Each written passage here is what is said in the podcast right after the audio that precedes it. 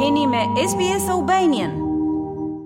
Shumë zhvillime dhe paqartësi në skenën politike në Republikën e Maqedonisë së Veriut, e gjithë kjo pas paralajmërimit se Aleanca për Shqiptarët do të bëhet pjesë e qeverisë, e cila deri dikur ishte kritikuesja më e madhe e politikave qeveritare. Por menjëherë pas hyrjes së saj, Partia Alternativa, pjesë e qeverisë, ka dalë nga qeveria. Kryeministri i vendit Dimitar Kovaçevski ka thënë se mbledhjet e Kuvendit janë maratonike dhe kanë humbur kuptimin, sepse çdo deputet, pavarësisht që ka të drejtë demokratike për të diskutuar, dëshiron që të diskutojë dhe të marrë fjalë. Andaj nuk është fajtor ai që po zvarritet diskutimi, por deputetët të cilët duan të blejnë kohë, posaçërisht ata të VMRO-DPMNE-së, dhe të Levicës. Debati në Kuvend po vazhdon, ndërkohë që akoma nuk ka qartësi se çfarë do të ndodhë me përbërjen e re qeveritare. Pyetja që shtrohet në opinion është se për sa realisht do të rritet shumica qeveritare. Shkaqet dihen, Aleanca ka tetë deputetë që futen në qeveri, por del Alternativa. Kuvendi miratoi vendimin që tre deputetët e Alternativës të veprojnë si opozitë në Kuvend. Deputeti i katërt i kësaj partie, Skender Rexhepi, që vepron si i pamvarur, sipas shpekulimeve llogaritet si deputet që nuk do ta mbështes shumicën. Nuk do të ketë përkrahjen e deputetëve të BDI-së që janë pjesë e të ashtuquajturit grupi i zjarrit kjo qeveri e re, Izet Mexhiti dhe Merita Koxhaxhiku, që shtojnë numrin në gjashtë, por edhe të deputetit të pavarur Kastriot Rexhepi. Nuk dihet nëse rezistenca do të mbetet në. këtë numër, duke marrë parasysh se shkarkohet edhe zëvendësministri i Mbrojtjes, Bashkim Hasani, pjesë e grupit të zjarrit.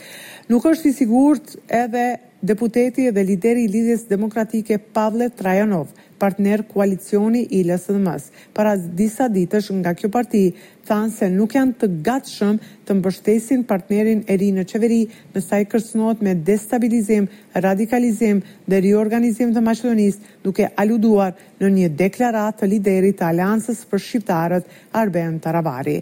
Pas turbulencave të këtilla, vlerësohet se shumica qeveritare mund të mbetet me mbështetjen e njëjtë sikurse paraprakisht, ose minimalisht të rritet për një ose tre deputetë. Vlerësimet bazohen në shpekulime nga kuluaret politike se mund të ndryshojnë mendje deputetët që kanë paralajmëruar se do të votojnë kundër, por ka dhe shpekulime në drejtim të kundërt për deputetët që qeveria i llogarit si mbështetës të sigurt e nuk janë, e tërë kjo e bën tërësisht epilogun të pasigurt. Kryeministri Dimitar Kovaçevski ka kaluar propozimin për shkarkimin e tre ministrave nga Alternativa.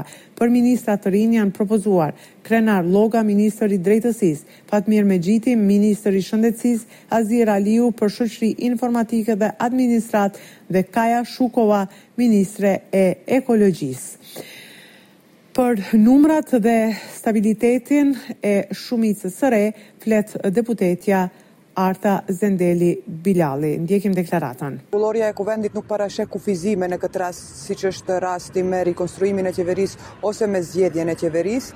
Janë paraqitur pothuajse të gjithë deputetët e opozitës maqedonase dhe plus edhe disa deputetë të opozitës shqiptare. Nga Alternativa kishim një diskutuese, dje patëm deputetin Fadil Zendeli nga Lëvizja Besa, kështu që është evidente se tendenca është që të zgjatet sa më shumë derisa të vinë në momentin e votimit për shkak se numrat janë. Numrat janë dhe ata mundohen që të blejnë kohë, eventualisht mos të ketë ndonjë ndryshim, po unë jam më se e bindur se në fund do t'ja arrijmë. Ne do t'i dëgjojmë deri në fund dhe në fund do të votohet, do të votohen ndryshimet në kabinetin qeveritar. Po, jam e bindur se numrat janë. Mbi gjashtëdhjetë e një janë me siguri.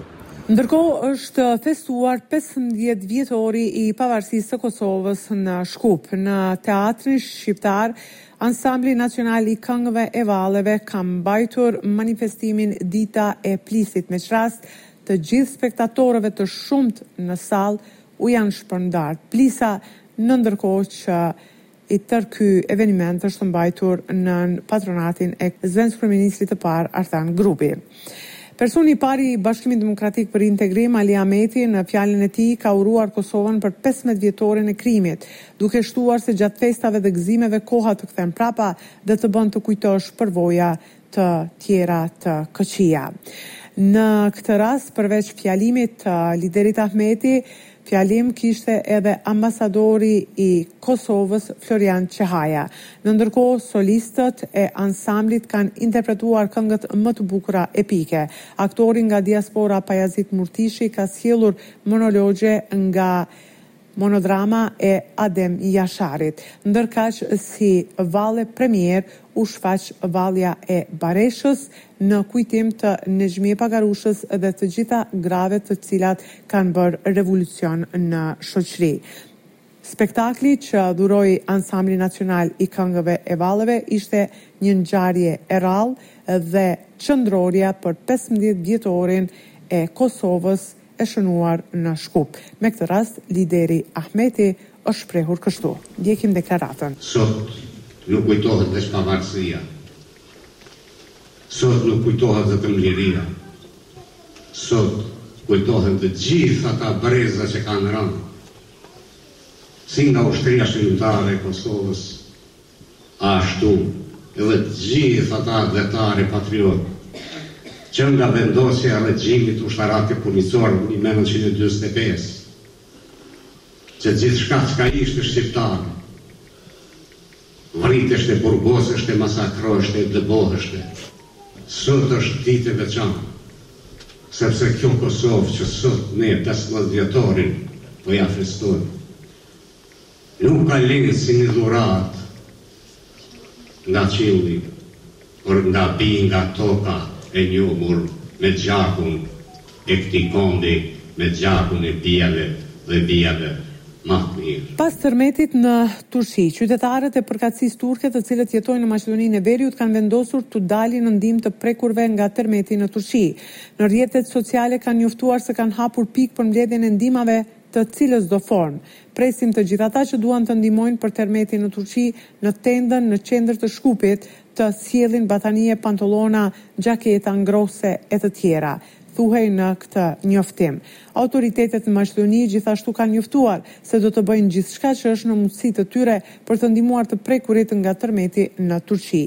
Njoftohemi se nga Komuna e Çairit janë ndarë dhjetë mijë euro ndihmë për Turqinë.